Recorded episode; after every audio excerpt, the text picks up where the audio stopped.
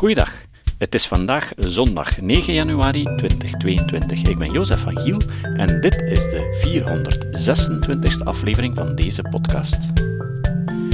Iedereen mijn beste wensen voor het jaar 2022. Maar zoals Rick zei, iemand beste wensen, wensen is even effectief als bidden. Een artikel op VRT Nieuws met als titel Brengen de extra gascentrales de Europese klimaatdoelstellingen in gevaar?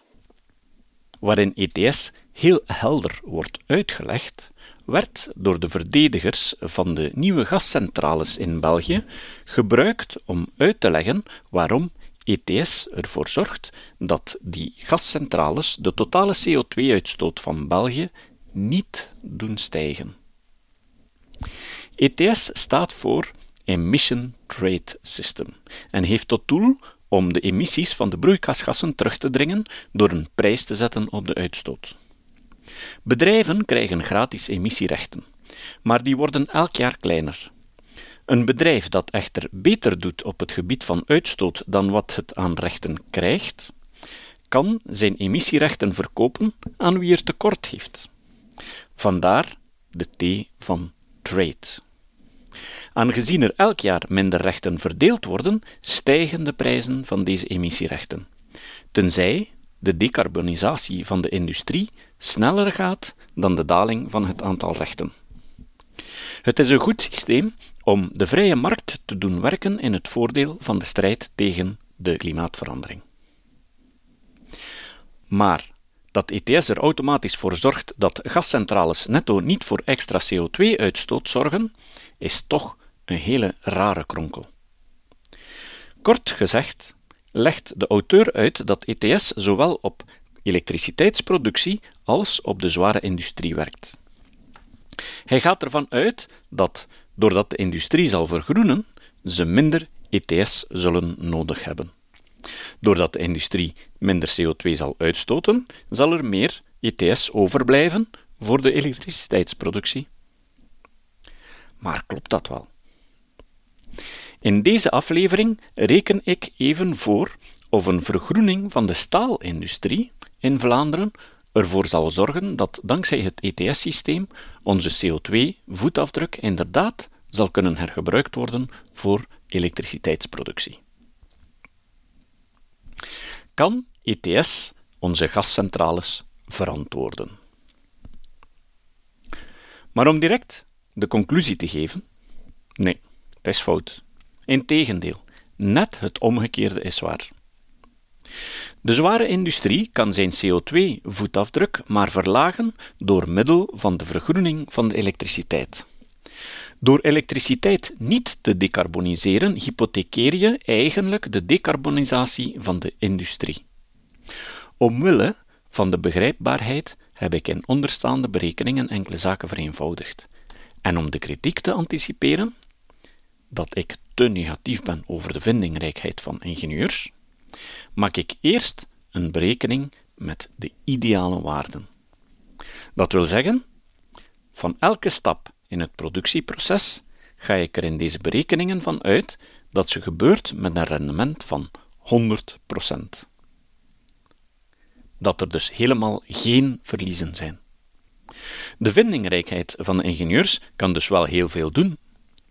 Ik ben de laatste om dat te ontkennen maar zal er nooit in slagen om onder deze waarden te geraken, op dezelfde manier als dat er nooit een ingenieur zal zijn die een perpetuum mobile zal kunnen bouwen.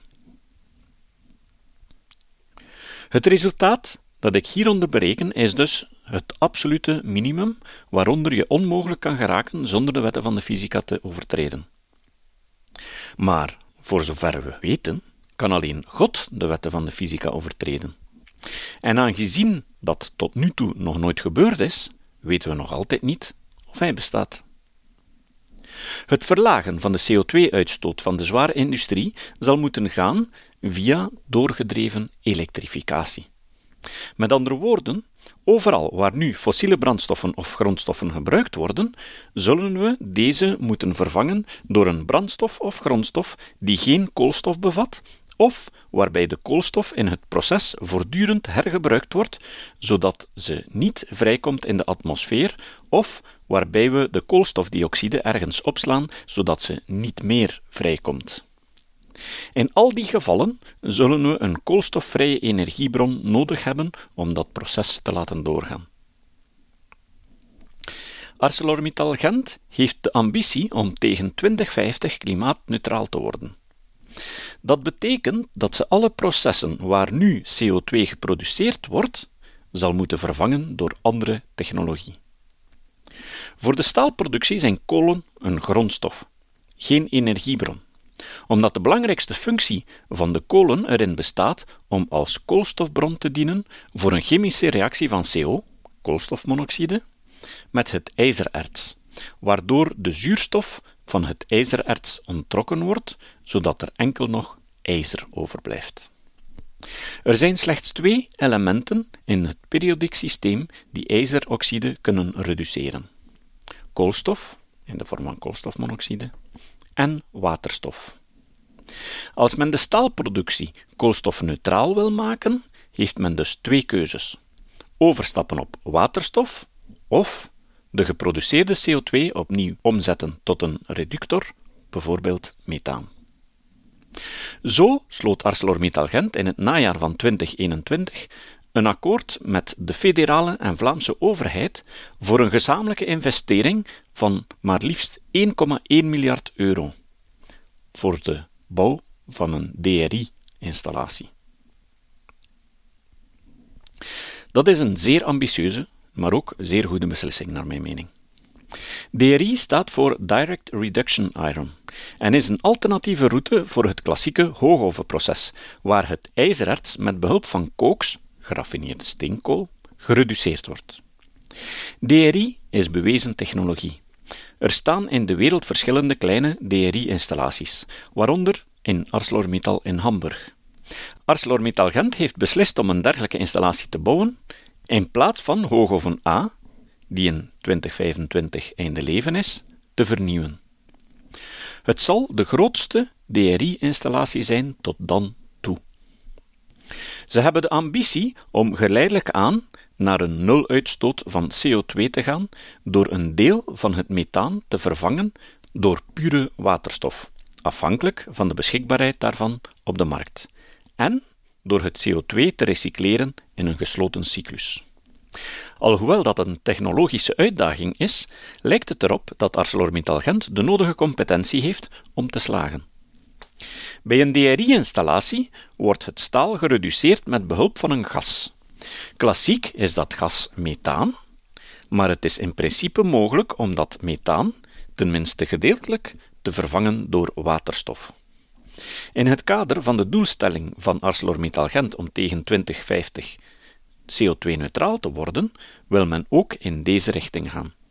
Daarbij zal men ofwel zuivere waterstof gebruiken, ofwel met het CO2-retourgas en waterstof opnieuw methaan maken dat weer in de circulatie komt. Het is wat ingewikkelder dan dat, maar dat zou ons te ver leiden. In beide gevallen heb je veel CO2-neutrale energie nodig om het proces te doen doorgaan. Eigenlijk is chemie niets anders dan het uitwisselen van elektronen tussen verschillende atomen. Zo is water een verbinding van waterstof en zuurstof, waarbij een zuurstofatoom met twee waterstofatomen twee elektronenparen gemeenschappelijk hebben. In deze zogenaamd covalente bindingen verschuiven die elektronenparen iets meer naar de zuurstof. Daarvoor is de waterstofkant iets positiever en de zuurstofkant iets negatiever. Je krijgt een polair molecule dat maakt dat bijvoorbeeld een zuur zoals zwavelzuur er goed in oplost en positieve H3O ionen en negatieve SO4 2 ionen produceert. Deze ionen maken het water geleidend en begeven zich in een spanningsveld naar de elektroden met tegengestelde lading. Er is een reactie aan de minpool, waarbij dat de H3O met vier elektronen omgezet wordt in twee H2 gasatomen en vier H2O's. Aan de pluspool is er een reactie waarbij vier water, H2O-atomen, vier elektronen kwijtgeraken en daarbij ontstaat zuurstof, gas, H2, en vier H3O+-ionen. Er loopt dus een stroom van elektronen in het elektrisch circuit van de pluspool naar de minpool. Dat kost energie. Voor elke waterstofmolecule die je via elektrolyse wilt winnen, zal je elektronen door die elektrische draad moeten laten vloeien. Als je geen verliezen hebt, heb je voor 1 mol waterstofgas, ongeveer 2 gram waterstof, 2 mol elektronen nodig. Want waterstofgas bevat 2 waterstofatomen per molecule en die hebben elk een elektron nodig. Door onze kennis van het getal van Avogadro, dat hij trouwens zelf niet kende, 6,02 maal 10 tot de 23ste, en de lading van het elektron, 1,6 maal 10 tot de min 19e coulomb, dat gemeten is door Millikan, kunnen we nu de benodigde energie berekenen. De gedetailleerde berekening heb ik in de notitiepagina gestoken. Voor wie geïnteresseerd is, moet het maar eens narekenen. Via elektrolyse kan je ook een geoxideerd metaal reduceren. Dat is de manier hoe onder andere aluminium wordt gewonnen. Maar je kan dat ook met ijzer doen, en daar zijn zelfs ooit testinstallaties voor gebouwd. IJzeroxide is meestal Fe2O3. Er zijn dus drie zuurstofatomen die de elektronen afpakken van twee ijzeratomen. Een zuurstofatoom kan twee elektronen afpakken, dus zijn die twee ijzeratomen zes elektronen kwijt. Om één ijzeratoom van zijn zuurstof te ontdoen, of anders gezegd, om één ijzeratoom te reduceren, moet je dus drie elektronen verplaatsen. Dat lukt met elektriciteit. Maar in een staalbedrijf gebeurt dat door het op hoge temperatuur met koolstofmonoxide of met waterstof te laten reageren. De koolstofmonoxide-molecule kan één zuurstofatoom wegnemen om CO2 te vormen. Kort gezegd komt het erop neer dat je voor elk ijzeratoom dat je reduceert, je finaal drie elektronen moet verplaatsen. De reductor zal elektronen afstaan aan het ijzerion, waardoor dit vrijkomt als ijzeratoom. Als je die reductor niet uit de natuur wil winnen, door kolen te delven of aardgas te pompen, zal je die zelf moeten maken via een proces waarbij elektronen opnieuw in de omgekeerde richting worden gewisseld. Dat is mogelijk met elektriciteit. Maar het zal pas iets opleveren als die elektriciteit CO2-vrij geproduceerd wordt. Want aangezien elk reëel proces verliezen heeft, zal je anders nog meer CO2 uitstoten. We kunnen dus waterstof in plaats van koolstof inzetten om ijzer te reduceren. Waterstofgas komt niet in de natuur voor en moet dus geproduceerd worden. Dat kan je doen door methaan te kraken, maar het is onzinnig omdat het efficiënter is om het methaan direct in de DRI-installatie te gebruiken. Dat is trouwens hoe het klassieke DRI-proces met methaan verloopt. In een voorproces wordt het methaan eerst omgezet in koolstofmonoxide en waterstof, waarna die twee worden ingezet om het ijzer te reduceren. Als je dus waterstof CO2-vrij wilt produceren, zal je dat moeten doen door elektrolyse van water met behulp van elektriciteit dat je produceert zonder CO2 uit te stoten. Voor de productie van 1 kilogram waterstof heb je minstens 39 kilowattuur elektrische energie nodig. Dat is de ideale situatie waarbij met twee elektronen één waterstofmolecule uit water wordt gereduceerd. Dat is dus de fysisch-theoretische ondergrens waar je niet onder kan zonder de wetten van de fysica te schenden. Een werkelijk proces zal bijna dubbel zoveel energie kosten. In de notitiepagina leg ik uit hoe je aan dat getal komt. Zoals eerder gezegd is ijzererts vooral Fe2O3. Via de chemische formule Fe2O3 plus 3H2 naar 2Fe plus 3H2O weet je dat je drie waterstofatomen nodig hebt om één ijzeratoom te reduceren. Het atoomgewicht van ijzer is 55,8. Dat kan je terugvinden in het periodiek systeem. Het atoomgewicht van het waterstofatoom is 1.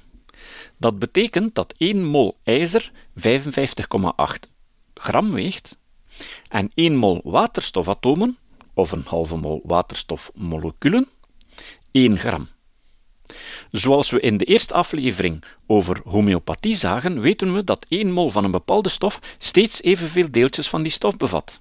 Volgens het getal van Avogadro bevat 1 mol van een stof 6,02 maal 10 tot de 23ste deeltjes. En die hoeveelheid ijzeratomen of waterstofatomen wegen dus 55,8 gram, respectievelijk 1 gram. Dan kan je eenvoudig uitrekenen dat je met 3 kilogram waterstof 55,8 kilogram ijzer kan reduceren en je dus minstens 3 x 39 kilowattuur of 117 kilowattuur elektriciteit nodig hebt om het waterstofgas te maken om 55,8 kilogram ijzer te verkrijgen.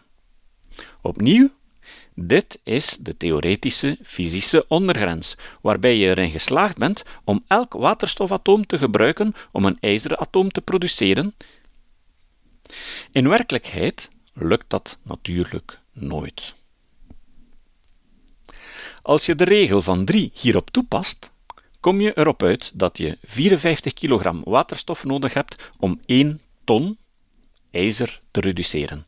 En dus 2097 kilowattuur elektriciteit nodig hebt om het waterstof te produceren waarmee je 1 ton ijzer uit ijzererts kan halen. ArcelorMittal, Gent, produceert momenteel ongeveer 5 miljoen ton vloeibaar ruwijzer per jaar. Daarvoor heb je in ideale omstandigheden dus 10.500 gigawattuur aan elektriciteit nodig. Denk eraan, giga staat voor 1 miljard. Of 10 tot de negende. Als je een elektriciteitscentrale hebt die het ganse jaar, elke dag, op volle capaciteit draait, dan zal die een capaciteit moeten hebben van 1,2 gigawatt, om die hoeveelheid elektriciteit te kunnen leveren. Dat bereken je eenvoudig door 10.500 gigawattuur te delen door het aantal uren dat er zijn in een jaar, dus 24 uur maal 65,25 dagen. 1,2 gigawatt, dat is een grote kerncentrale die enkel draait om waterstof te produceren en die niet kan stilgelegd worden voor onderhoudswerken. Aangezien we hier met ideale omstandigheden gerekend hebben, mag je ervan op aan dat als we de twee jongste Belgische centrales openhouden die samen een capaciteit hebben van 2 gigawatt, we die alle twee op volle capaciteit waterstof kunnen laten produceren, enkel en alleen om aan ArcelorMittal Gent te leveren. Ondertussen kunnen we verder bouwen aan de windmolens op zee om de ontbrekende capaciteit voor de huisgezinnen aan te vullen. Die kerncentrales zijn dus echt geen belemmering om windmolens te bouwen zoals de groenen zo graag beweren. Bovendien zitten we met nog een probleem. Zoals eerder gezegd, kan je ijzer reduceren met koolstofmonoxide of met waterstof. Maar het proces via koolstofmonoxide is een exotherm proces en dat via waterstof is endotherm. Exotherm betekent dat de chemische reactie ook nog warmte produceert. Endotherm betekent dat de chemische reactie warmte uit de omgeving moet onttrekken om te kunnen doorgaan. Dus moet er voortdurend warmte toegevoegd worden om te vermijden dat het proces stopt in het geval van waterstof. Wanneer je met methaan werkt, zullen de reacties van het koolstofatoom ervoor zorgen dat het globale proces exotherm is en dus zichzelf onderhoudt, ook voor het gedeelte van de reductie met het waterstof. Maar wanneer je met zuivere waterstof werkt, of wanneer je de geproduceerde CO2 in een cyclus brengt voor hergebruik, zodat er netto geen CO2 wordt uitgestoten, zal je de energie nodig om van CO2 opnieuw CO te maken en voor het reductieproces van het waterstof van buiten moeten inbrengen. Liefst zonder CO2 uit te stoten.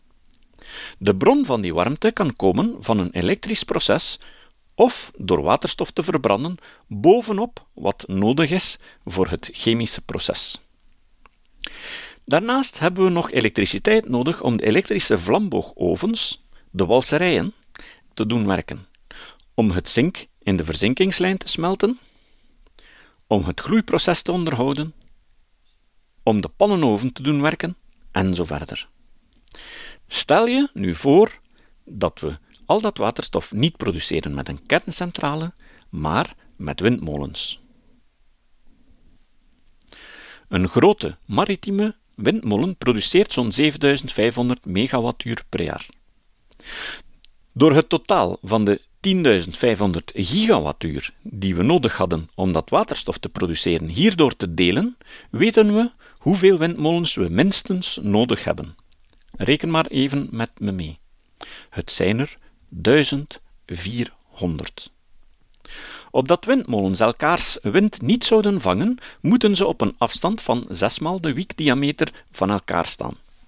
Bij een wiekdiameter van 162 meter betekent dat dat als je ze in een rechthoek van 40 op 35 windmolens zet, ze een oppervlakte van 40 x 35 kilometer zullen innemen.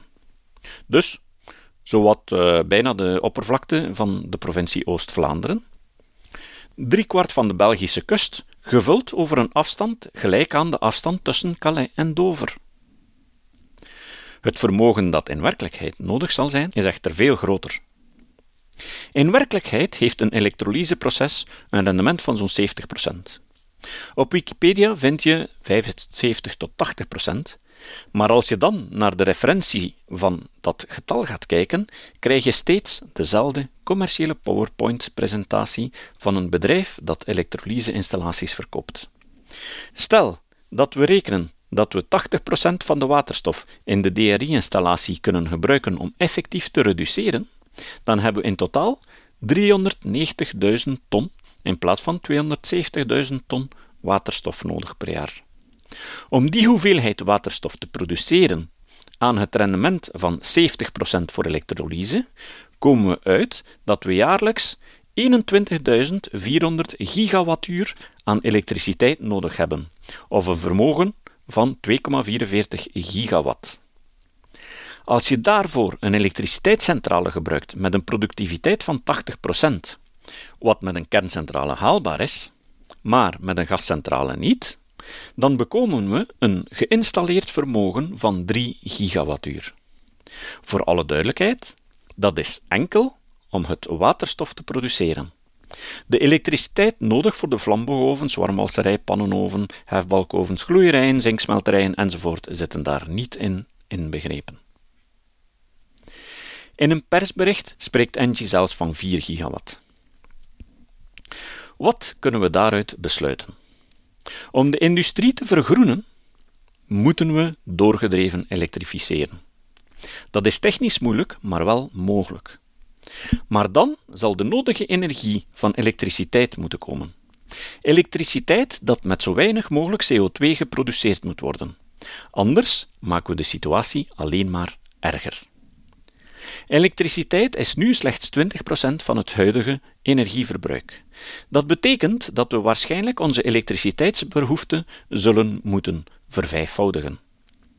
Het is juist dat een elektrische wagen zuiniger met energie omgaat dan een wagen met verbrandingsmotor, en het is ook juist dat een warmtepomp minder energie verbruikt dan een gasgestookte ketel. Bovendien kunnen we nog heel veel besparen door veel beter te isoleren. Maar aan de andere kant zijn er processen die na elektrificatie meer energie zullen verbruiken, zoals het voorbeeld dat ik net gaf. Ook de cementindustrie. En er zullen nog processen overblijven waarin we nog steeds koolstofhoudende brandstoffen zullen nodig hebben. We zullen dan liefst synthetische brandstoffen gebruiken, die gemaakt worden door CO2 uit de lucht af te vangen en chemisch te laten reageren met waterstof, om zo koolwaterstoffen te vormen. Op die manier kunnen we het circulair houden en ervoor zorgen dat we de CO2 die we in de atmosfeer blazen er weer uithalen. Dat zal zeker nodig zijn voor de luchtvaart, maar ik zie zwaar verkeer ook nog niet direct elektrisch rijden, ook niet op waterstof. We zullen echter ook meer en meer water moeten ontzilten om lange periodes van droogte te overwinnen en om onze waterlopen en grondwater beter te beschermen. Al die zaken zullen meer energie vragen. Dus, als we alles samen bekijken, zal ons toekomstige elektriciteitsverbruik niet veel verschillend zijn van onze huidige totale energieverbruik. Dus ongeveer vijf keer meer dan nu. Misschien vier keer meer. Het planbureau zegt drie keer meer.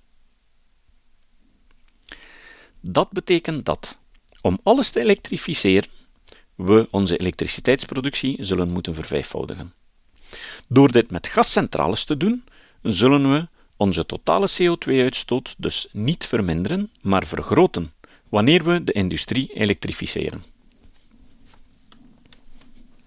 Wat ik net vertelde, heb ik enkele weken geleden ook op Twitter geplaatst, als reactie op een tweet waar Ronnie Belmans van Energyville het genoemde artikel citeerde. Op het einde reageert hij heel droog. Ik zie in dit draadje geen enkele weerlegging van de goede uitleg door VRT Nieuws over ETS.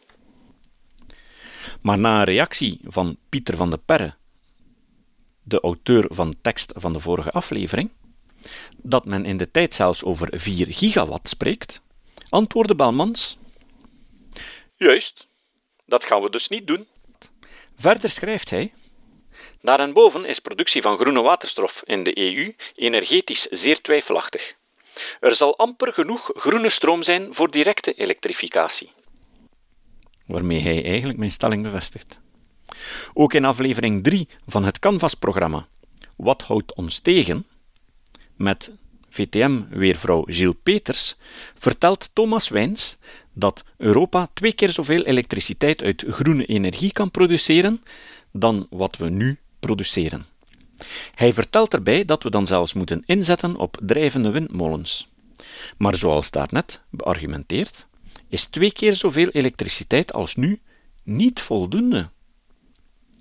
Belmans geeft me dus eigenlijk gelijk. Zonder kernenergie blijven we voor onze energievoorziening erg afhankelijk van andere landen. De strategie die Belmans voorstaat, bestaat erin om waterstof in te voeren uit landen waar de zon wel voldoende schijnt. Onlangs tekende de Belgische overheid hiervoor trouwens een contract met Chili en Namibië. En, als ik me niet vergis, Nederland deed dat ook. Op zich moet ik zeggen dat beide landen me na aan het hart liggen. Namibië is een prachtig en heel dun bevolkt land waar ik ooit een van mijn mooiste reizen maakte. En Chili is mijn geboorteland. Maar de import van waterstof is niet eenvoudig. Je kan daar niet zomaar de huidige gastankers voor gebruiken. Maar daar spreek ik de volgende keer over. In de notitiepagina heb ik veel links gestoken voor wie dieper kennis wil maken met het DRI-proces en het maken van waterstof. Ik heb er ook een Excel-document in opgeladen waarin alle berekeningen zitten die ik in deze aflevering maakte. En een link naar een reeks YouTube-filmpjes waarin ArcelorMittal uitlegt hoe dat proces zal werken. In de volgende aflevering gaan we verder in op de problemen met kerncentrales. Wat met de afval? Wat met de risico's? En kunnen we niet beter waterstof invoeren van landen die veel zon en wind hebben? Het citaat. Het citaat van vandaag komt van Hans Rosling. Rosling zei: Ik wil dat mijn angst zich richt op de megagevaren van vandaag en niet op de gevaren uit ons evolutionaire verleden. Tot de volgende keer. Dit was de podcast Kritisch Denken. Vergeet niet om alles kritisch te behandelen, ook deze podcast. Voor verdere informatie over deze podcast, links en voor de tekst, surf naar www.kritischdenken.info. Als je deze podcast belangrijk vindt, kun je me steunen door anderen warm te maken ook eens te luisteren. Stuur een e-mail naar vrienden met een link naar de website en plaats de link in de handtekening van je e-mails. Tevens kun je op iTunes deze podcast een beoordeling geven of een recensie schrijven. Of je kan op je eigen website of blog een link naar kritisch denken plaatsen.